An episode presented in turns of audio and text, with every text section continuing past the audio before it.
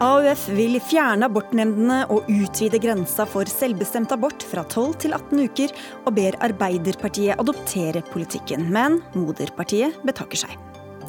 Utlendingsdirektoratet satser stort på å trekke tilbake oppholdstillatelser fra utlendinger som har løyet seg inn i landet. God prioritering eller unødvendig ressursbruk? Hører merkelapper som ugress og bakterier hjemme i samfunnsdebatten? Ja, sier politikeren som brukte det. Lavmål, sier lederen som ble utsatt for det. Og finnmarkingene vet ikke sitt eget beste, hevder Nettavisens redaktør. Og kan nok vente seg reaksjoner i løpet av den neste timen.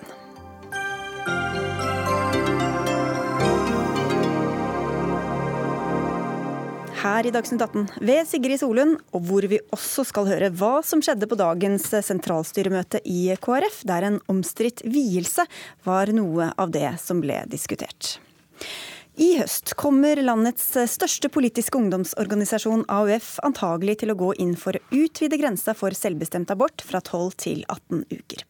På landsmøtet i høst altså vil de trolig også vedta at de vil fjerne dagens ordning med abortnemnder dermed, hvis et enstemmig sentralstyre får gjennomslag. Og Dermed blir også moderpartiet Arbeiderpartiet utfordret på dette betente og vanskelige spørsmålet.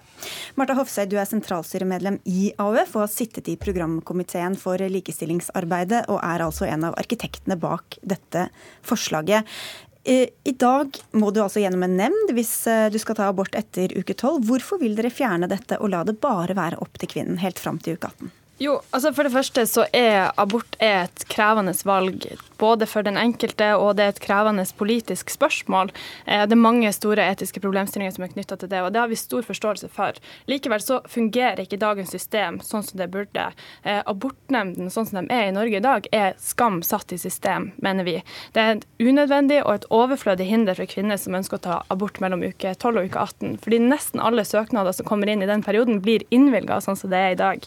Eh, og det siste kvinner i en sårbar situasjon trenger, er å bli påført enda mer skyld og skam. Derfor så ønsker AUF at det skal være selvbestemt abort helt til uke 18. Men som du sier, så blir det altså, får, får jo kvinnen gjøre det hun vil i ni av ti tilfeller. Og det er mm. også sånn at aborttallene er synkende, de er historisk lave. Det er færre som får, blir uønska gravid. Så hva er da poenget med å gjøre om på noe som egentlig fungerer veldig greit. Og Det vil jeg si, det er jeg veldig glad for. og det AUF vi ønsker jo at eh, færrest mulig skal komme i den situasjonen som man er i når man, eh, når man ønsker å ta abort etter uke tolv. Men likevel så er det dessverre sånn at det er noen som, som, kommer i den situasjonen. Og når da nesten samtlige søknader blir innvilga, så viser det at det både er trygt og det er etisk forsvarlig å ta abort mellom uke 12 og uke 18. Og i Sverige så kan kvinner ta abort frem til uke 18 allerede. Sånn har det vært eh, lenge. I England og Wales så kan kvinner ta abort fram til uke 24. Og så er det ganske så, mange andre land som har mye strengere regler. Selvfølgelig, men det bekymrer oss at norske kvinner er nødt til å reise til f.eks. Sverige og England for å gjennomføre aborter når det kunne vært gjennomført på deres lokale sykehus. Vi ønsker jo ikke at norske kvinner skal måtte reise til andre steder. Men er det, veldig, er det veldig vanlig når vi hører hvor få aborter det faktisk er etter, etter uke 12 som ja, jeg mener det er for mange når det i løpet av en femårsperiode var nesten 70 kvinner som måtte, måtte reise til enten Sverige eller, eller, England for å gjennomføre abort. Det er 70 for mange. Det vet du. Ja. Kari Henriksen, stortingsrepresentant for Arbeiderpartiet. Dagens abortlov ble vedtatt for, eh, i, i, i, 1977, så hvorfor skal streker som da ble tegnet for over 40 år siden, fortsatt gjelde for kvinner og menn for den saks skyld i dag? Ja, I hovedsak så er det jo fordi at abortloven har fungert veldig bra.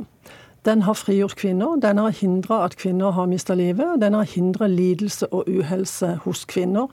Så den har vært en viktig milepæl for å sikre norske kvinners selvråderett over egen kropp. Og Det vi ser i dag, er at eh, som du sier, så er aborttallene eh, synkende. Vi har stadig eh, um, foreslått og fått vedtatt flere forebyggingstiltak.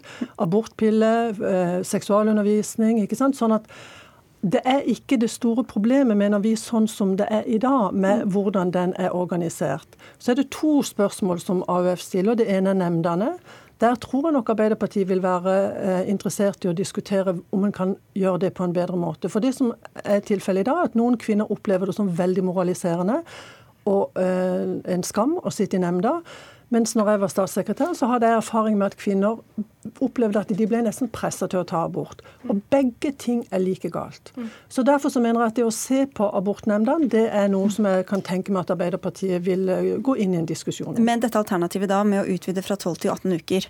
Det tror jeg sitter ganske langt inne for Arbeiderpartiet. Og det er fordi at eh, når, du kommer, når du overstiger tolvukersgrensen, så er mange av de som da søker abort, har i utgangspunktet ikke tenkt at de skulle ta abort. Men de blir, kommer i en situasjon der de får kunnskap om at fosteret har skader, eh, sykdommer, som gjør at det blir aktuelt for dem. Eller det kan være det at ikke de har visst at de er gravide. Det kan jo selvfølgelig også være eh, aktuelt. Men det er noen andre Um, momenter som spiller inn der. For da er det um, fysiologiske Altså dette med medisinske tilstander. Og jeg tror at vi bør i hvert fall forbedre eh, eh, nemnder og forbedre hele svangerskaps- eller abortomsorgen, sånn at de behovene kvinner har for råd og veiledning, de skal dekkes.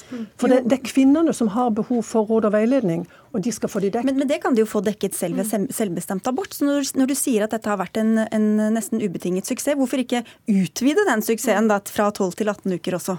Fordi at det da er noen grenser i det å uh, tenke på om det er et liv eller ikke. Det går noen grenser mellom det er ganske... Av hensyn til fosteret så vil du ikke gjøre det? Av hensyn til den debatten. Vi mener at det er mye bedre å Nei, ikke debatten. Vi mener det er mye bedre å ta abort tidlig. Så tidlig som mulig. og Derfor har vi bl.a. foreslått tidlig ultralyd. Sånn at du slipper For det er også en helserisiko med det å ta abort. Sånn at du slipper å ta det seint. Vi vil ha tidlig ultralyd få avklart de forholdene så tidlig som mulig i kvinners svangerskap, sånn at vi, får, at vi unngår at mange må vente til opp mot 18 uker for å få abort. Ja, så Hofsø, det, det, kan jo være et argument imot, kanskje? Eller hva, hva, tror du om hvor mange som vil utsette denne aborten da fra et, etter også uke 12, hvis de kan det? Det tviler jeg veldig sterkt på at kvinner i en sånn sårbar situasjon vil gjøre. Og tvert imot så er det jo det at du i dag er nødt til å gjøre, gjennomføre en sånn Du må søke og få det behandla i en nemnd eh, som er tidkrevende, og du kan få avslag der, og deretter måtte sende avslaget, klage avslaget videre til den sentrale nemnda. Så det er klart at hvis du kan bestemme sjøl, så, så, gjør du jo det så snart du har, har, bestemt deg. Og vi er nødt til å finne ordninger som ivaretar kvinners behov for råd og veiledning. Det er vi helt enig i. Men, men det, det at det er nemnder, det, det er det som er problemet. Og Nå har regjeringa også foreslått å kutte i antall nemnder fra 37 til rundt 15, som vil gjøre at det kommer til å være mye lengre mellom kvinnen og de som tar valget. Så, ja. ja men Vi skal få inn en, en ekspert her også. Mette Løkeland, du er overlege ved abortregisteret ved Folkehelseinstituttet. Bare først si helt kort om tallene for abort eh, i Norge i dag. De tallene er jo fallende og har vært det eh, siden 2007-2008 rundt omkring der. Eh, og så har vi også sett at etter at man fikk medikamentell abort, så har jo andelen aborter som tas tidlig i svangerskapet gått opp. Sånn at man ser jo det at kvinnene sjøl, når de har muligheten til det, velger å ta abort så tidlig som mulig. Hva? Og de tallene etter tolvte uke de har jo vært eh, stabile eh, på en 4% sånn at den andelen øker ikke, og den er lik sånn som den har vært i Sverige, da, der man, der man har selvbestemt opp til 18. Hva er da forskjellen på å abortere et foster i uke 12 og uke 18? Altså, Dess tidligere du kan gjøre det, dess bedre er det. Derfor så, det, det er enklere prosedyrer, det går raskere. og det er mindre smertefullt for kvinner. sånn at det selvsagt det lønner seg å ta det så, så, tidlig som mulig. Hva tror du kan være konsekvensene av å utvide fra, fra 12 til 18 uker? Jeg tror ikke at det vil, gå, vil påvirke aborttallene noen ting. og hvis Jeg kikka nettopp på det med før 18 uke, og de store gross, eh, en 400-500, gjøres jo før 18 uke allerede. og Av dem så var det ti som ikke ble innvilga i primærnemnd, og av de ti så var det bare tre som ikke var innvilga i klagenemnd. Så da, ja, Kari Henriksen, da, ta det en gang til. Hva er egentlig argumentene mot? Hvis du får den veiledningen og du får den eh, medisinske hjelpen du ja, trenger. Argumentene mot er at det fungerer veldig bra sånn som det er i dag. Og da mener vi at det er mye viktigere politisk å sørge for at folk og kvinner kommer så tidlig som mulig. Men du sa jo nettopp at det ikke fungerer så bra pga. de nemndene. Nei, Det er råd og veiledning som ikke fungerer bra. Der er det to grøfter. Det ene er den moraliseringsgrøfta, og den andre er de som, som får beskjed om at det her bør du bare ta ham bort. Når kvinner kommer i, eh, så sent, og har, når, når, grunnlaget er at det er misdannelser med fosteret, så trenger de annen type veiledning. og Det tror jeg mange kvinner ikke får i dag. Så der ønsker vi å se på for å forbedre lovverket. Men det å utvide til 18 uker, det syns vi altså jeg kan, Nå kan ikke jeg svare på landsmøtets vegne, selvfølgelig, nei, nei, nei. men sånn som, sånn som, jeg tolker det i mm, dag, mm, mm. så tror jeg at eh, vi vil nok ha en politisk altså sette inn de politiske virkemidlene for å få tidlig ultralyd, få på plass mye bedre råd- og veiledningstjeneste, sørge for at kvinners behov blir ivaretatt, uavhengig om det kommer fra en nemnd eller om det kommer fra en annen type ja, rådgivningstjeneste. Fordi da er jo spørsmålet, Hvis du syns at nemndene ikke fungerer, du, du vil se på det, om, om, det skal erstattes, hva skal det da erstattes med, hvis det ikke skal være opp til kvinnen selv, alene? Nei, som jeg sier, så er de kvinnene som, En del av de kvinnene som, som ønsker de ønsker jo selv å møte i nemnda. Fordi de ønsker å få råd og veiledning i mange situasjoner. Så du vil ha nemnden, men bare endre vil, Nei, jeg vil ha at kvinners behov for rådgivning og veiledning skal oppfylles. Og Om det gjøres i en nemnd, eller om det er andre måter å organisere det på, det er ikke jeg så opptatt av. Men jeg er opptatt av at de behovene kvinner har for rådgivning og veiledning i den situasjonen de er, når de oppdager at abort er et valg etter tolvte uke, da skal de få den rådgivninga og den veiledninga som de sjøl har behov for. Hva vil dere der erstatte det med, Hofsøy? Altså For det første så, så, vil vi jo at kvinner skal kunne bestemme sjøl frem til uke 18. Og det som vi har vært inne på, så er det mange gode grunner til det. Eh, når det gjelder perioden fra uke 18 til grensa for, for senabort, som er uke 22, så er vi nødt til å se på hvilke løsninger vi skal, vi skal gjøre det. Vi har ikke alle svarene. Men ja, for der vil dere også ha en større grad av selvbestemmelse? Det, det, vi er opptatt av, er at det skal være et system som ikke er som nemndene i dag, som av mange oppfattes som et domstollignende organ. Men det må være et, et system der du får råd og veiledning. men der hvor valget eh, til syvende og sist også er opp til kvinnen sjøl. Men hvorfor, hvis det bare er dette med likestilling og selvbestemmelse som skal ligge til grunn, hvorfor skal man ha en grense i det hele tatt? Grensa må jo gå et sted, og det her er en kjempekrevende debatt. og Det vil være mange ulike meninger om hvor grensa skal Hvorfor skal grensa skal gå et sted? Det, det, det holdt på å si, De grunnene gir seg sjøl. Grensa for senabort i Norge er 22, det utfordrer ikke vi. Men det vi utfordrer, er det at man i dag har en grense for når kvinner kan bestemme sjøl, men, men setter inn et domstollignende organ som av mange oppleves som det aller verste av, i hele abortsituasjonen, er det å møte den nemnda. Så det er det vi må ta på alvor. Men de grensene som du sier er, sier seg selv, eh, og dermed er så eh, innlysende, de kan vel like gjerne sies å gjelde i uke 20 eller uke 18 for den saks skyld? Mm. Jo, men vi er, altså, vi er åpne for hvilken type løsninger vi skal ha eh, for perioden etter uke 18. Det vi sier at vi ønsker selvbestemt abort frem til uke 18. og Fra uke 18 til grensa for senabort så, så er vi åpne for ulike tanker om hvordan det bør løses. Vi har ikke alle løsningene på bordet enda, Men det som er viktig for oss, er at vi har et system som ivaretar kvinner som er i en sårbar situasjon, eh, og, som, og, som, trenger råd og veiledning. Løkeland, hvordan, hvis du har noen mening om dette, men hvordan fungerer disse nemndene? i dag fra ditt ståsted?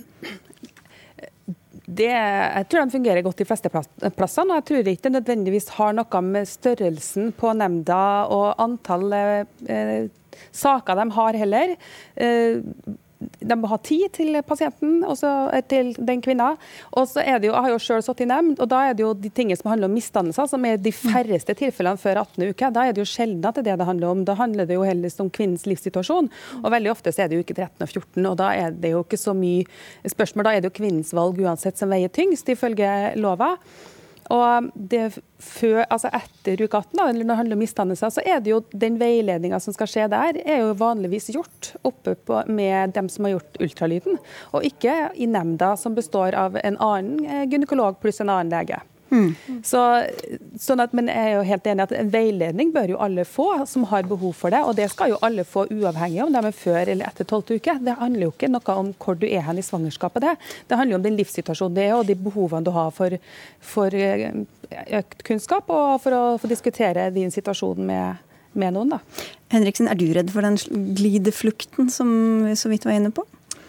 Uh, nei, uh, jeg er ikke redd for at det skal være en glideflukt. Men dette er et vanskelig dilemma. Og det å sette en grense, det høres liksom litt sånn ja, kan vi ikke bare sette 12 eller 16? Men det er en overgang når et foster blir oppfattet å være et menneske. Og vi skal være varsomme med å respektere den opplevelsen hos både kvinner og folk. Men det som jeg tror er, er, er viktig, er at det, og som er den største kampen, det er at abort og kvinners rettigheter er under stort press internasjonalt også. Og vi har hatt det her i Norge.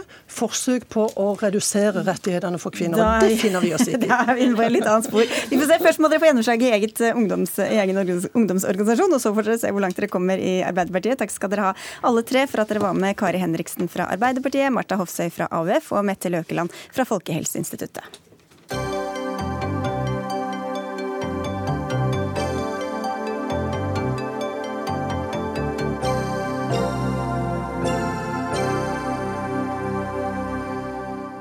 I nesten hele dag har sentralstyret i Kristelig Folkeparti sittet samlet for å diskutere både veien framover, partiets politiske budskap og andre aktuelle saker.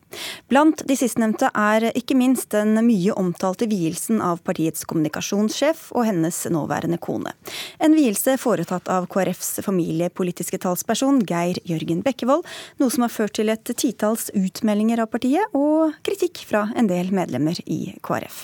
Partileder Knut Arild Hareide kom ut fra møtet for eh, litt siden. Vi skal høre noe av det han sa til pressen da. Ehm, sentralstyret eh, de gir partiledelsen tillit og tilslutning eh, i saken. Og det er et samla sentralstyre som gir tillit til Geir Jørgen Bekkevold. Hans rolle var på bordet? Kritikk mot partiledelsen for behandlingen av denne saken? Ja, for det var et sjølkritisk sentralstyre som pekte på at vi har undervurdert sprengkraften i denne saken. Og ikke minst det at dette kunne oppleves som en politisk endring fra KrFs side. Det er ikke riktig. Eh, vi står fast på vår politikk. Som eneste parti så løfter vi nettopp ekteskapet mellom mann og kvinne som en god og stabil ramme for barns oppvekst. Og vi peker òg på viktigheten av juridiske rammer for homofile. Ja, Magnus Takvam, politisk kommentator i NRK. Et selvkritisk sentralstyre som står på sitt og gir full tilslutning til egen håndtering? Ja, eh, det er klart at med den debatten som har oppstått, så, så prøver vel Hareide og resten av sentralstyret å ikke være for arrogante i kommentarene til dette, som er en veldig vanskelig konflikt innad i eh, KrF. Eh, Hareide forsøker på den ene siden å gi støtte til Bekkevold og ha det prinsipielle synet at han utførte denne handlingen som prest og ikke som politiker, men samtidig liksom si at han forstår reaksjonene. Men det som er litt som da er et naturlig oppfølgingsspørsmål, er hvordan selv, hva, hva, betyr denne selvkritikken? Hvordan eh, kunne de unngått eh, det han da peker på, at det ble oppfattet som et politisk linjeskifte? Eh, det, det, er, det, er, jo nettopp det som er kjernen i saken. At en del nok mener at en KrF-politiker, en politiker som er kjent som det, stort sett, Eh, vil ha veldig vanskelig med å kommunisere at han når han er prest, liksom ikke opptrer som politiker. Og det er jo selvfølgelig den, den krevende eh, rollen han har inntatt som, som, har gjort at man reagerer som man gjør. Mm. For det var jo også budskapet Hareide hadde i Politisk kvarter i dag morges, at man måtte skille mellom politikk og teologi. Mm. Men hvor lenge tror du eller hvor, hvor, langt eh, kan han gå i den, den strategien? Altså, det er jo en eh, skal si, prinsipiell eh, endring i Kristelig Folkeparti som skjedde under Valgerd Svarstad Haugland eh, 2003, altså som bygdes opp på slutten av 90-tallet. At man forsøkte å etablere seg som et såkalt kristendemokratisk parti. Eh, der nettopp skillet mellom eh, det å være en menighet og det å være et politisk parti ble klart markert. Altså KrF-politikere skulle liksom ikke være predikanter i samfunnet. Men når det kommer til den typen eh, saker som vi snakker om her, så er det klart at eh, også et politisk parti må ha et verdisyn. Og det er nettopp konflikten om homofili som, som gjør dette så betent. Den har vært der hele tiden. Vi husker Anders Gåsland, som var KrFU-leder på begynnelsen av 90-tallet, eh, eh, endte jo opp med å melde seg ut av partiet pga. nettopp en, en, type strid om dette. Og da sier du også at, eh, eller du skriver i en ytring på NRK i dag, at KrF faktisk er mer konservativ enn Den norske kirke, også i dette spørsmålet.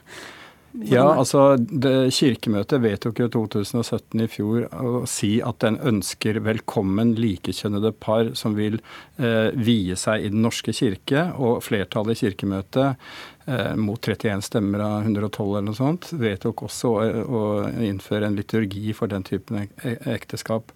Eh, og mindretallet sa da eh, ved dette vedtaket at de var uenig eh, i vedtaket fordi de har et annet syn på ekteskapet, men tok det til etterretning og lever på en måte med det. Slik at ingen blir pålagt å foreta en slik vielse, men kirken må tilby det. Og det er klart at det er nettopp det for så vidt KrF tilstreber, å forsøke å ha en praksis der begge syn kan leve side om side i Kristelig Folkeparti, men det viser seg jo at det er, det er vanskelig. Mm.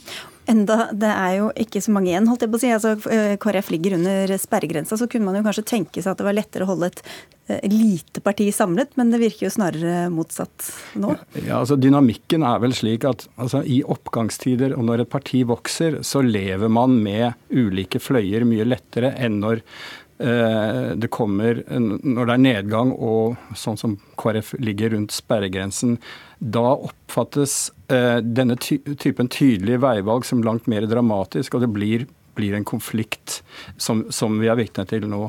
Eh, men det har vært en veldig vanlig analyse som jeg tror er riktig, at dersom et parti som KrF skal overleve, så må på en måte de fløyene som er i partiet, greie å leve med hverandre. Ellers så risikerer man at man blir på en måte et kristen-konservativt parti på, i bibelbeltet på den ene siden, eller et liberalt parti som mister det konservative grunnfjellet på den andre siden.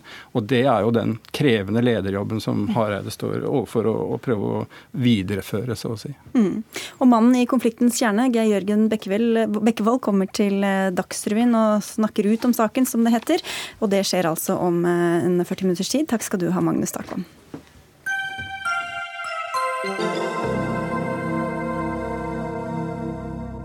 Mennesker som har juksa seg til opphold i Norge skal tas, og statsborgerskapet eller den midlertidige oppholdstillatelsen deres trekkes tilbake. Det er et satsingsområde for regjeringa, og Utlendingsdirektoratet jobber nå for tiden med rundt 1500 sånne saker.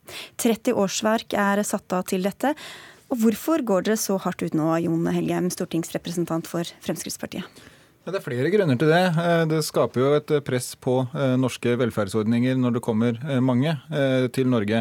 Og Vi ser at tilstrømmingen har vært stor de senere årene. Eh, og hvis det da kommer eh, personer som ikke har noe grunnlag for beskyttelse, eh, og bløffer, kommer med røverhistorier og får innvilga opphold, så går det på bekostning av noe. Det går først og fremst på bekostning av noen som faktisk trenger beskyttelse. Og det undergraver hele asylinstituttet. Så det er egentlig en lang rekke gode grunner til å slå hardt ned på juks, sånn som man gjør på alle andre måter i samfunnet. Men dette kan jo også være mennesker som er godt integrert, som har jobber og, og tjener penger eier og betaler skatt for den saks skyld. Hvor langt tilbake er det rimelig å gå i disse sakene? Jeg må jo si at UDI må gjøre eh, vurderinger eh, på hvilke konsekvenser det eh, får. Altså, jeg synes ikke det er eh, vanskelig å si at dersom du selv kom til landet pga. juks og har fått eh, opphold her, eh, så må du nok belage deg på å reise tilbake hvis det blir avdekka, og det bør bli avdekka. Og så må UDI gjøre vurderinger på i hvor stor grad det kan gå utover uskyldige barn f.eks. Og det, sånne vurderinger gjøres jo. Men eh, det er jo eh, uheldig eh, at noen er så ansvarsløse at man bløffer om sånne ting. Vel vitende at dette kan slå tilbake, for alle vet at når man jukser, så er det en risiko for å bli tatt, og det får konsekvenser. Og Det er noe som må signaliseres ut, at sånn er det også på dette feltet, som på alle andre måter. Og så er det viktig å ta vare på det velfungere, eller prøve å ta vare på et velfungerende asylsystem, noe som er under press for lenge siden. Eh, og Da er det viktig at man ikke eh, ser mellom fingrene med juks, eh, for det har vi rett og slett ikke råd til. Petter Eide, stortingsrepresentant for SV. En rekke argumenter for hører vi her. Er det noen imot i det hele tatt? Eh, du, det er, eh, det er, ingen som liker juksemakere. Og vi i SV liker selvfølgelig heller ikke folk som jukser. Eh, vi er veldig opptatt av at vi skal ha en utlendingsmyndighet og utlendingsprosedyrer, asylprosedyrer, som er basert på sannhet og basert på etterrettelighet. Og så, så, selvfølgelig må satsingen settes inn på det, og UDI må tilføres nødvendige ressurser, sånn at det er de som trenger asyl, som får asyl. Det er debatten over, da. Nei, nei da, den er overhodet ikke over. For eh, så langt er vi enige. Men så er spørsmålet hvor mye tid og ressurser skal vi bruke på å grave fram gamle saker? Jeg er opptatt av at ressursene skal settes inn på de som kommer til Norge nå, eh, for å sikre at de får en god, eh, trygg og rettssikker behandling. Så er jeg mye mer i tvil om det er, det er rett og riktig, og jeg syns det er vanskelig å, å, tenke at vi skal grave bakover i tid. Det som skjer hvis vi gjør det, er jo at vi setter veld, veldig, veldig mange av av flyktningene som eh, nå er i Norge, som har fått opphold tidligere, de er her godt, mange av dem er godt integrert. Barna går på skole, de er i jobb, de har lært seg norsk. Skal vi skape den usikkerheten for denne gruppa mennesker at politiet plutselig kan stå på døra og si at nå må du ut? Men de vet vel selv om de har juksa seg til opphold eller ikke? Barna vet jo selvfølgelig ikke det, kanskje ektefellene vet det ikke. Altså, eh, men eh, uansett så er det sånn at når disse personene har Dette har gått lang tid, så da tenker jeg at eh, da får bare rett, galt være galt. Det som har skjedd, har skjedd. Og så må vi gå videre og ikke bruke masse ressurser på å grave opp i de gamle sakene. Her er det litt ulike argumenter. Hvis vi bare tar det første først, Helgheim. Hvor vi ser saker bli henlagt, de ligger kjempelangt Vi har masse saker om dette det siste året. Hvorfor skal vi bruke så mye ressurser ressurser på gamle saker som kanskje ikke har så veldig mye å si. Ja, man kan jo da tenke seg hva som ville skjedd i motsatt fall. At man nå sier, som SV vil, at eh, fra nå så skal vi ikke gå tilbake i gamle saker. Det vil si at eh, vi egentlig sier eh, at nå er det bare å komme til Norge, finne på en eller annen historie. Eh, og så lenge den står seg eh, litt grann tid, så kommer du ikke til å bli tatt for det. Det er et ganske alvorlig negativt signal å gi, som kommer til å bli utnytta, og mange kommer til å prøve. Og det er sånn i alle andre, eh, på alle andre områder i samfunnet at de fleste fleste som jukser, de blir jo tatt litt i ettertid.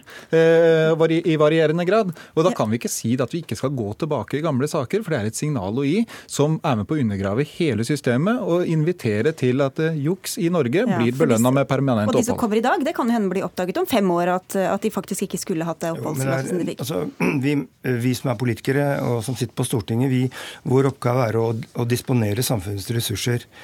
Eh, og vi har f.eks. et politi som i dag er overarbeida, som ikke rekker å, å jobbe med voldtektssaker, med overgrep mot barn osv. Eh, hvis vi i tillegg skal eh, putte, politi putte, politiet til å jobbe med disse sakene, være med på å transportere flyktninger ut av landet, så tas det av en annen ressurs. Jeg mener dette er en gal prioritering. Men Hva gjør det med, med respekten for lover og regler, hvis man skal liksom se bort ifra noen og, og, og etterfølge noen andre? Folk som har kommet til Norge og fått opphold til Norge, og fått det på feil grunnlag, dag. Ja, det er veldig synd, men vi kan ikke bruke masse ressurser. Hvor masse ressurser vil du bruke på det? Godt, vi skal ikke bruke veldig mye ressurser på det. Jeg synes I veldig graverende saker så er, det, så er det naturlig at sakene tas til domstolen, men i all hovedsak så vil jeg mene at det er viktig å sette ressurser inn sånn at UDI kan uh, ha en god, gode asylprosedyrer, uh, og, og uh, feil og mangler skal avdekkes der. Men vi skal ikke bruke så mye tid på gamle saker. Det skaper utrygghet, og det er feil bruk av ressurser. Det må jeg få svare litt på. For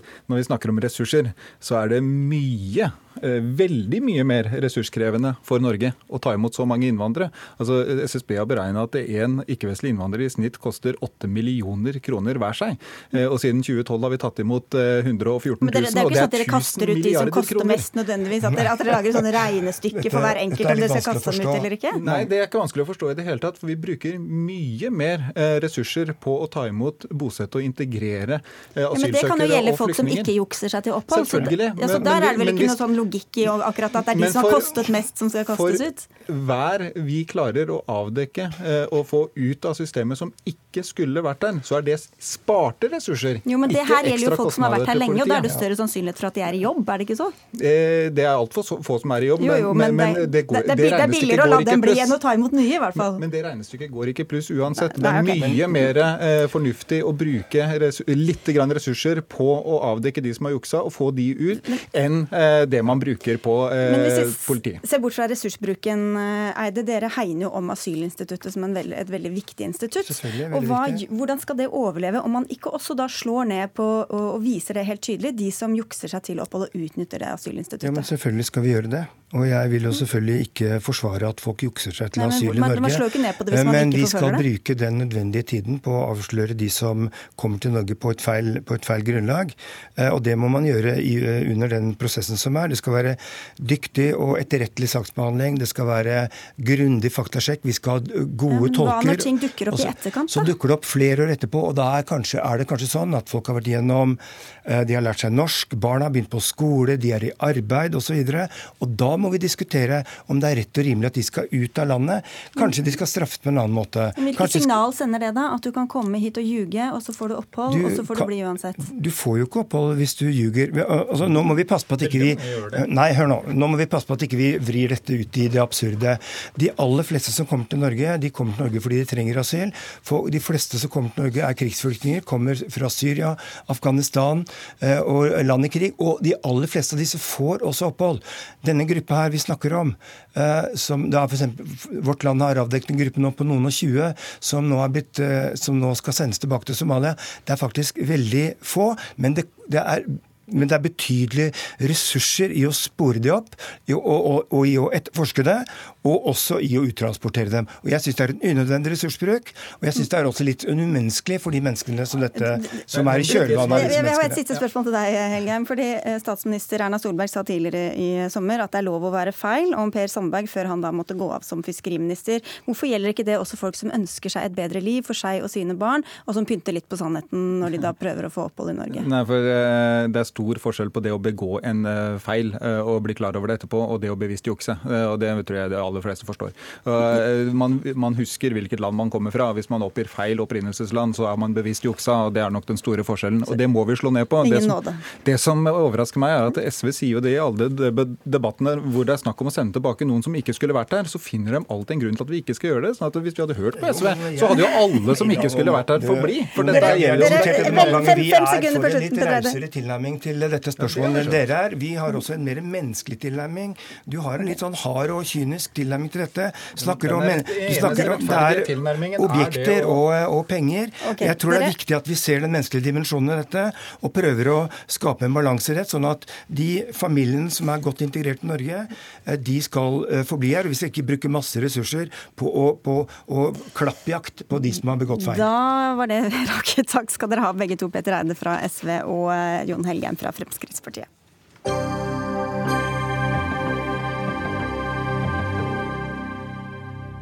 29.3.2019 er datoen da Storbritannia ikke lenger er medlem av EU. Men blir det med eller uten en avtale med unionen? I dag sendte brexit-ministeren i London ut 25 dokumenter med råd om hva folk og bedrifter kan vente seg dersom britene ikke blir enige med EU om en avtale. Ytterligere 55 dokumenter skal komme etter hvert. Øyvind Nyborg, du er NRKs korrespondent i London. Hva er innholdet i disse planene som ble kjent i dag? Ja, Noe av det folk flest har lagt merke til, er at eh, det kan bli vanskeligere for dem å bruke betalingskortet, i hvert fall dyrere å bruke betalingskortet sitt eh, når de er på reise og sydentur i eh, Europa. Det er pga. at betalingsordningene som er europeiske, felles europeiske, de vil ikke lenger da Storbritannia være en del av. Men det rent, og det store spørsmålet det gjelder jo økonomien og også hvordan varer nå normalt har gått over grensene, mer eller mindre fritt fritt som en del av EU-systemet. Det blir mye vanskeligere. Det blir eh, toll, det blir grensekontroller, det blir mye papirarbeid og det blir byråkrati. og Det er dette som bedriftene blir bedt om å ta høyde for. Erik Oddvar Eriksen, professor og leder for Arena senter for europaforskning ved Universitetet i Oslo. Hva annet kan vi lese ut av disse dokumentene som ble sendt ut?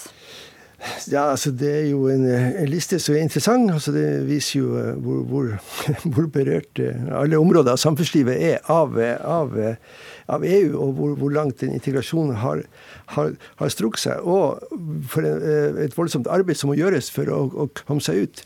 Nå er det, jo, dette er jo spørsmål hvis de ikke får en avtale. Altså Hvis de får en avtale, så, så kommer jo ikke dette på eh, Så blir det ikke aktuelt.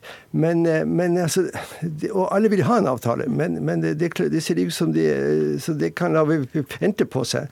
Sånn at uh, Dette er jo en sånn beredskapsplan som man lager i påvente av at I sånn verste worst case scenario. Altså at, at, hvis de ikke får til avtale, så må vi inn med å ha en slags beredskapsplan her på veldig mange områder. og sånt, og det, det er på næringslivet, det er på handel og vandel generelt, det er på transport, det er på medisin, det er på um, på, på studier og til og med ja, forskningsfinansiering og, og, hva som helst. altså Nevner alt omtrent. Og nå har de sagt de var 25 dokumenter som var kommet. Og så venter vi en masse flere. Mm. Så, så dette er svært. Virker det avskrekkende, Nyborg?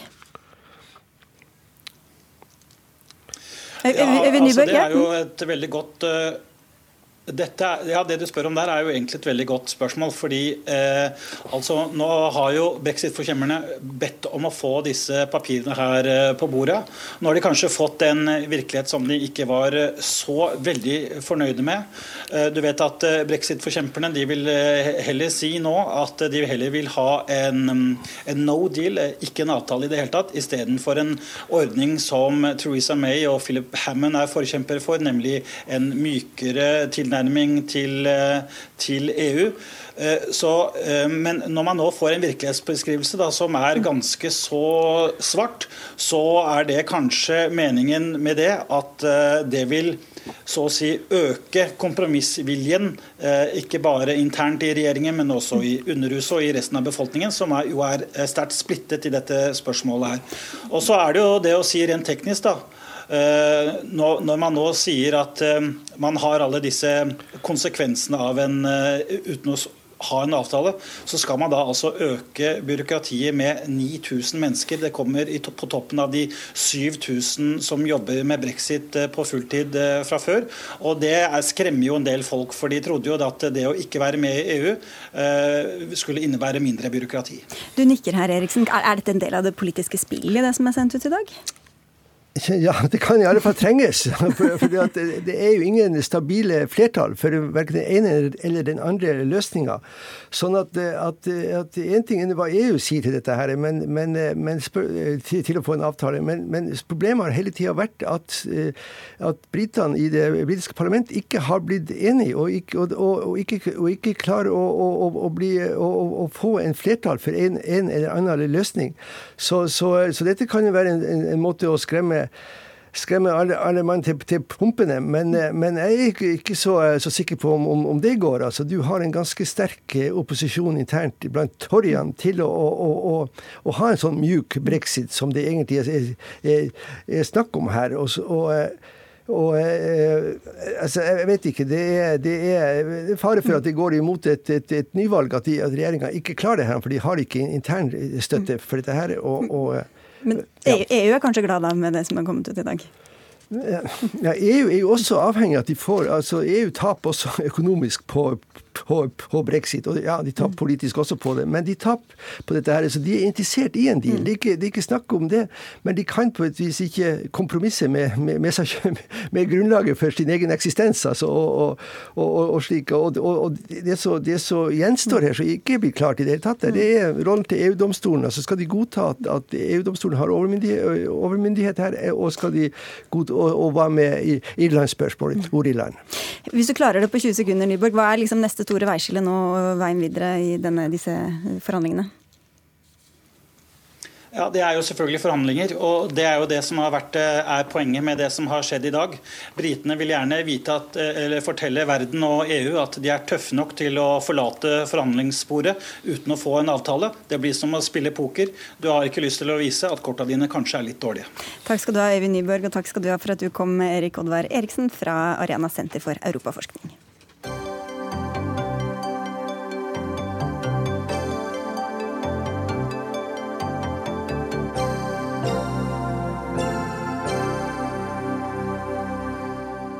Et stadig tilbakevendende tema, bl.a. i dette studioet, er hvilke ord det er greit å bruke i samfunnsdebatten. Hva da med begreper som ugress og bakterier, er det innafor?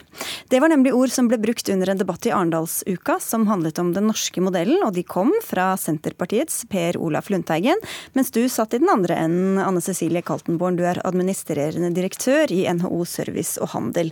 Og hva var det du opplevde under denne debatten som eh, fikk deg da til å skrive innlegg i Dagens Næringsliv? Næringsliv og Aftenposten om erfaringa? Altså, det var jo en fantastisk Arendalsuke for en uke siden. Det var mange gode debatter. Det var mange som deltok i debatter som kanskje ikke deltar ellers. Så det var på mange måter et eh, høydepunkt. Det som ble et lavmål for meg, det var å komme til en debatt eh, hvor det var representanter fra Arbeiderpartiet, Høyre og Lundteigen da fra Senterpartiet. Eh, og så bli møtt med en ordbruk som jeg tenker ikke løfter debattnivået i det hele tatt, men heller senker det. Jeg har tidligere hørt uh, Lundteigen bruke ordet ugress om vår virksomhet, at dette er noe som må tas ved roten. Men bakterier, det var faktisk helt nytt for meg.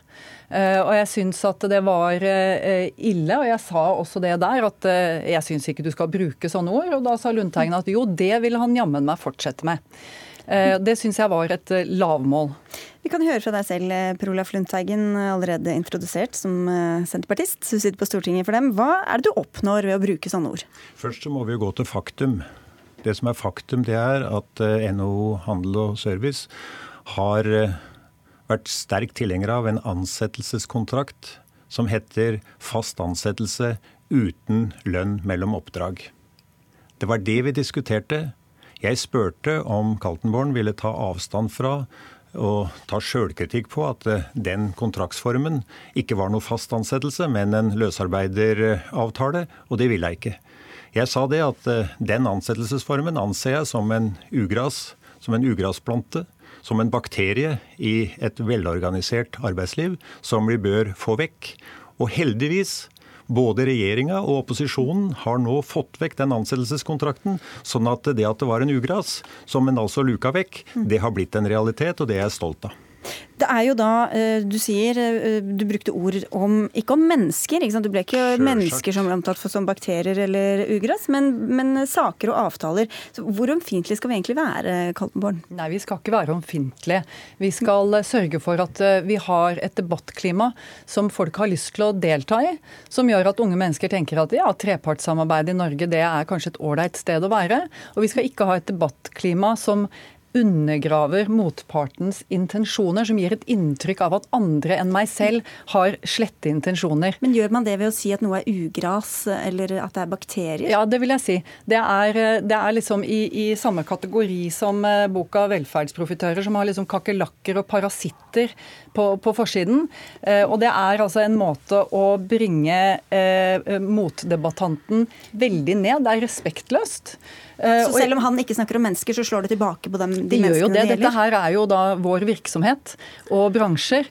Eh, og det som jeg syns var et, et fall da, eh, til den debatten vi, vi deltok i, var jo fra andre veldig gode samtaler og diskusjoner under Arendalsuka som gikk nettopp på den norske modellen, hvor Yngve Haagensen, Jens P. Heierdal, folk som har vært med på å bygge dette over lang tid, understreket at nå må vi jammen dere ta vare på den tilliten som man har bygget opp over lang tid i Norge, og som er helt nødvendig for at man skal ha et to- og trepartssamarbeid. Det er jo nettopp det som er saken, at en må ta vare på den tilliten.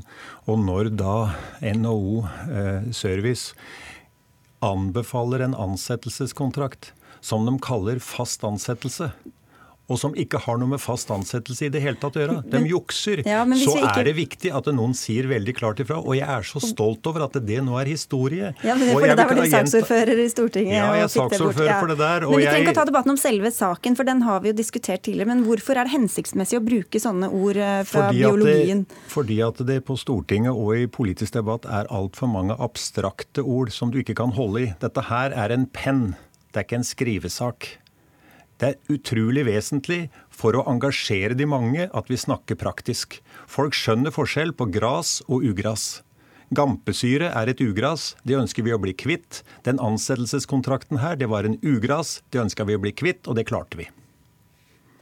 Eh, altså jeg syns det er helt strålende hvis vi kan klare å ha debatter som alle er med på, som alle skjønner hva det dreier seg om. Det er kjempeviktig faktisk for at vi skal ha et bra demokrati.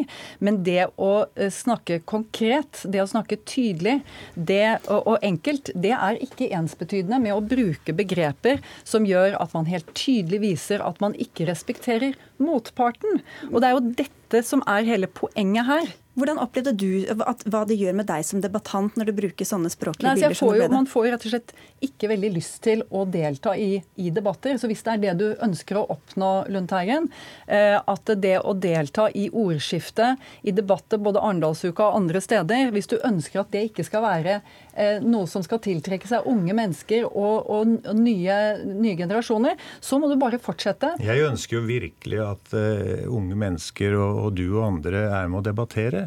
Ingenting gleder meg mer enn at vi får en debatt om hvordan vi skal organisere norsk arbeidsliv. Og ungdom er jo opptatt av faste ansettelser.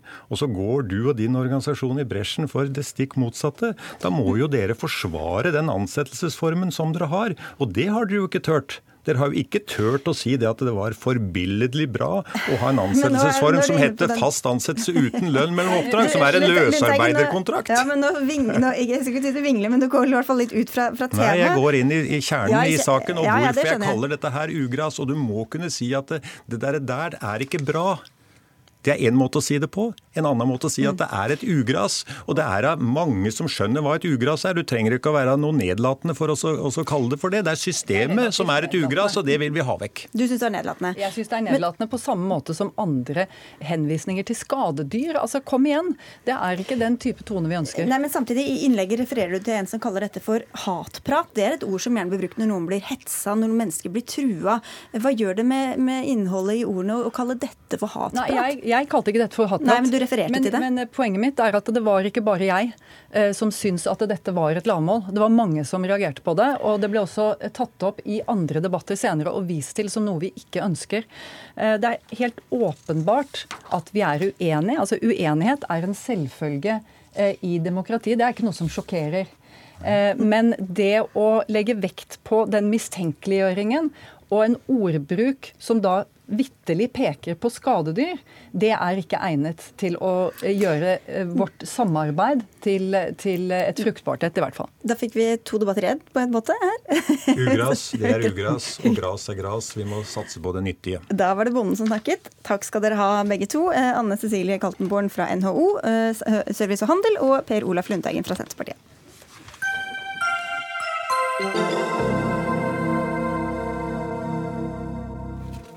Er finnmarkinger stakkarslige folk som ikke vet sitt eget beste? Det har vært mange sterke ord i landets aviser om Finnmarks nei til regionreform, etter at de nekta å møte kommunalminister Monica Mæland denne uka. Noe som til slutt førte til at reformen ble satt på pause. Spesielt har kommentarer i Nordlys og Nettavisen fått finnmarkinger og andre til å reagere. Og en av disse kommentarene kom fra deg, Gunnar Stavrum. Du er ansvarlig redaktør i Nettavisen. Finnmarkinger vet ikke sitt eget beste, skriver du blant annet. Hva slags provokasjon er det egentlig? Det, det, viktigste for meg det er at ikke vi kan la 30 000 finnmarkinger tegne norgeskartet for resten av oss, som jo ønsker store regioner som får viktige oppgaver. Eh, når jeg også sier at finnmarkinger ikke vet sitt eget beste, så er det det at hvis man hørte på disse 30 000 og lot Finnmark stå utenfor regionreformen, så er det nesten likt at de kommer til å bli styrt fra Oslo og få mindre oppgaver lokalt.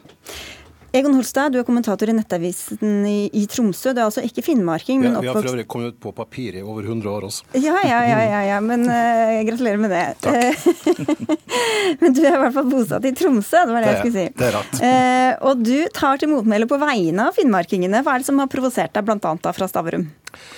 Nei, Det jeg er mest forundra over fra, fra, Stavrum, det er jo den retorikken han bruker om at uh, finnmarkinger ikke forstår hvor utrolig bra det her er for dem å gå inn i en regionreform de sjøl syns er fullstendig uh, ufortjent, uh, ufortjentlig for dem å gå inn i.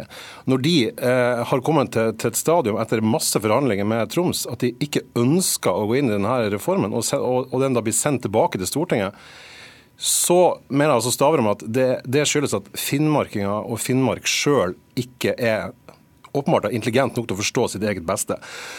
Og Det er selvfølgelig veldig, veldig lett å sette i Akersgata og, og hevde eh, opp mot, mot eh, landet, den, den del av landet som ligger lengst unna makta av alle. Finnmark er uhyre spesielt, og det å sammenligne Finnmark med, med resten av Norge er, er, veldig snålt. Og jeg syns det er veldig søkt med retorikk som nærmest idiotforklarer finnmarkingene for at ikke de forstår sitt eget beste, for at det vil være bra for alle andre enn dem. Eh, og jeg har ennå til gode å forstå i likhet med finnmarkingene, hvorfor denne regionreformen er så utrolig bra for Finnmark at de må gå med på det. Det har jeg ennå ikke forstått, og det er mulig han kan klare å forklare det her. Ja, Du kan jo forklare det, Stavrum. Eller dette pussige lille fylket, som du kaller det. Eh, altså, Finnmarks befolkning, 75 000, det er omtrent halvparten av en av eh, 14 bydeler i Oslo. Eh, regionreformen har vært ønska i nesten 30 år, fordi alle skjønner at du må ha enheter med, av en viss størrelse for å få tjenester flyttet ut i regionene. Og Da, det, da kan ikke Eh, eh, Finnmark setter seg på sidelinjen og si at vi 30 000 som stemte nei, vi vet bedre enn hele Norge, inkludert Stortinget, som to ganger har vedtatt eh, dette for Finnmark og Troms. Men vi, vi, vi, må, nesten ha med noe for skams skyld her fra Finnmark også. Wenche Bedersen, du er styremedlem i Finnmark Arbeiderparti og har vært en av frontfigurene mot denne sammenslåinga. Stakkarslige og veit ikke sitt eget beste og kan ikke få bestemme på vegne av alle oss andre. Hva, hva sier du til alt dette? Ja, nei, Det er jo eh, klassisk eh, hersketeknikk fra Stavrum sin side. Eh, det er jo noen av regiontilhengerne som, som tydeligvis begynner å få panikk. Og de mangler gode argumenter, fordi de rett og slett mangler en god sak. Og istedenfor da å snakke om saken, så, så, angriper man et helt fylke. Det som også er, er, trist i forhold til Stavrum, er jo at han avslører jo holdningene sine til finnmarkingene. Men vi lar oss nå egentlig ikke knekke av Stavrum. Vi har jo fått støtte fra redaktører som vi syns er viktigere enn han i hovedstaden. Både VG, Dagblad, Klassekampen, Dagsavisen. Sånn at eh, det er noen, i, til og med i Oslo, som forstår hva vi holder på med. Og vi har jo egentlig ikke gjort noe annet enn å si vår mening på, på, på, demokratisk vis. Og eh, jeg syns man skal ha respekt for det. Ja, hvorfor skal ikke finnmarkingene få forsøke å påvirke sin egen hverdag, Stavrum? Klart de skal få lov til å påvirke sin hverdag, men det er ikke sånn at, eh, at 30 000 finnmarkinger teller mer enn resten av landets befolkning. Og det, det jeg er mest opptatt av, det er regionreformen sett på landsbasis. For jeg syns dette er helt åpenbart. At du kan ikke ha små enheter over hele Norge som skal styre ulike offentlige tjenester. Problemet i Norge er jo at det er organisert forskjellig fra etat til etat. Og jeg tror at Hvis du skal ha folkestyre reelt sett, så må det store nok enheter til at du faktisk styrer ting. Men, men, jeg, jeg, vil bare skyte inn, altså, ja, okay. det, for det er veldig mye Stavrum han gjentar jo som et eh, gigantisk godt gammeldags vinylhakk i plata at det er 30 000 mennesker som skal få lov å bestemme over en, en hel reform som, som angår Norge. For det første får han 30 000 og høres utrolig lite ut. Eh, det var altså, eh, det var altså nesten ni av ti finnmarkinger som, som, av de som stemte, som sa nei til, til denne reformen. Eh, de, de 87% utgjorde totalt 58% av de stemmeberettigede. Altså et mye større oppslutning enn det var i det siste fylkes- og kommunevalget. Da er det et signal om at et eller annet i Finnmark er et signal man kanskje bør lytte til sentralt, i stedet for å avfeie det som om det er en liten en liten flekk med, med, med få, få, mennesker. Og det her vil, vil, da også geografisk sett være, hvis man skulle slå sammen Troms og Finnmark, være da en, en, en region som strekker seg fra grense Jakobselv til, til Tjeldsundet. Altså en, det som da vil bli Europas største folkevalgte region. Og det skal altså få finnmarkinger til å tro at de kommer til å få et sterkere lokaldemokrati. og Det er veldig vanskelig for å skjønne. Derfor skjønner jeg også deres frustrasjon mot denne litt sånn kunnskapsløse arrogansen fra, fra, fra, Oslo. Ja, fra Oslo sier du, Holstad, men den kommer jo ikke bare derfra, hvis du er med på den beskrivelsen. Nei, nå har du Stavrum meg var i debatt med, så ja, Jo da, men, men, det var det jeg skulle fram til nå, å gå over til deg, Skjalg Fjellheim. For du er politisk redaktør i Nordlys, som også holder til i Tromsø. Nå er du riktignok med fra Narvik, men du har også erta på deg mange finnmarkinger med kommentarer og hevda at at finnmarkingene stakkarsliggjør seg selv, eh, litt i samme tråd som Stavrum her. Hvordan, hvordan gjør de det? Altså Finnmark Arbeiderparti og Finnmark fylkeskommune har jo gjort mye mer enn å si sin demokratiske mening, som det blir hevda her. De har boikotta et stortingsvedtak, et vedtak i landets lovgivende forsamling. Husk på at på 60- og 70-tallet i Norge så ble flere hundre kommuner eh, sammenslått med tvang. Eh, mange ordførere, lokalpolitikere rundt omkring i landet var sterkt imot dette. Eh, men de satte seg ikke over Stortingets vedtak. De boikotta ikke Stortingets vedtak. Det vi ser i dag i Finnmark er ikke et sivilsamfunn som begår sivil ulydighet, slik vi vanligvis har sett det i Alta-aksjonen og andre uh, saker, men fylkets politikere, toppolitikere i fylket, som nekter å gjennomføre Stortingets vedtak. Wenche Pedersen annet, tenker du på? Det, det, ja, ja, dette er spesielt. Og, det, og dette har vi advart mot. Det er en farlig vei for det norske demokratiet, og vi vil advare norske politikere, folkevalgte, mot å følge dette sporet. Det kan få alvorlige og dramatiske konsekvenser for det norske demokratiet hvis vi skal følge denne retninga. Pedersen. Nå har jo, altså, Stavrum det er nå én sak, han forstår seg ikke så mye på Finnmark. Men den som burde ha forstått seg på Finnmark, og som gjør at jeg blir trist på vegne av de her eh, kommentatorene, det er jo at Nordlys som er så nært oss, ikke skjønner hva som skjer i Finnmark. Det er jo mye verre enn at Stavrum sitter på et kontor i Oslo. Og jeg må si at... Han sitter vel på et kontor, når, han i Nordlysa, vil jeg tro, men du, jo, du gjør vel det selv òg? Du sitter vel på kontor du også, tenker jeg er at Skjalg han har fulgt denne debatten. Han vet utmerket godt at Finnmark har ikke boikotta noe som helst. Finnmark har vært i forhandlinger med Troms, og Troms har altså ikke klart å bidra til at vi har fått, uh, fått det som Stortinget har lovt oss, nemlig at det skulle bli makt og oppgaver også til Finnmark. Det er bakgrunnen for at finnmarkingene reagerer. Men så dere kan takke dere selv da, eh, Fjellheim, for at dette skjer i, i, i Troms? De har vært gode støttespillere for å få frem motstanden. Altså, vi, forsøker å, jeg, forsøker, jeg har forsøkt å skrive om dette prinsipielt i min avis. Hvilke konsekvenser det får for det norske demokratiet. Man har arrangert en folkeavstemning i Finnmark ett år etter at Stortinget tok sin beslutning. Man bruker det som legitimitet for å boikotte Stortingets vedtak. Finnmarkingene er spurt om de ønsker at Finnmark skal bestå som eget fylke. Det har de svart ja på. De, ikke, de er ikke blitt spurt på om de mener at deres egne politikere skal boikotte vedtak i landets øverste lovgivning lovgivende forsamling. Dette er unikt og helt spesielt men, men, i norsk politisk historie. Tror du ikke at Pedersen har velgerne sine bak seg på hvordan hun går fram? Jeg har stor forståelse for motstand i, i Finnmark. Eh, eh, regionreformen er dårlig gjennomført, den er lite gjennomtenkt. Det er gode grunner for å oppheve den, men da må man forsøke å oppheve Stortingets vedtak. Så lenge Stortingets vedtak står, så må man respektere Stortingets, Stortingets vedtak. Okay. Det er en grunnleggende spilleregel i det norske demokratiet. Få en Wenche Pedersen fra Finnmark Arbeiderparti, da. Ja, nei, altså, eh, man, man, skulle jo tro når man hører på Skjalg at finnmarkingene har på en måte satt det norske demokratiet i fare. Vi har i hvert fall klart å skape en viss uorden i nasjonen. Men jeg syns nok kanskje at den arrogansen som utvises Man hadde noen, man hadde noen tanker om hva som skulle være i denne reformen. Det har vi ikke fått til. Og jeg hører jo at Skjalg fortsatt eh, er redd for hva som Tromsø ikke skal få, og at det ligger til grunn for det han holder på med. Å begynne å snakke om at vi ødelegger demokratiet, det syns jeg er å gå langt over streken. Du, Egon Holstad, dere sitter jo, du og Fjellheim, i samme avis, altså i Tromsø. Hvorfor tror du dere konkluderer så ulikt?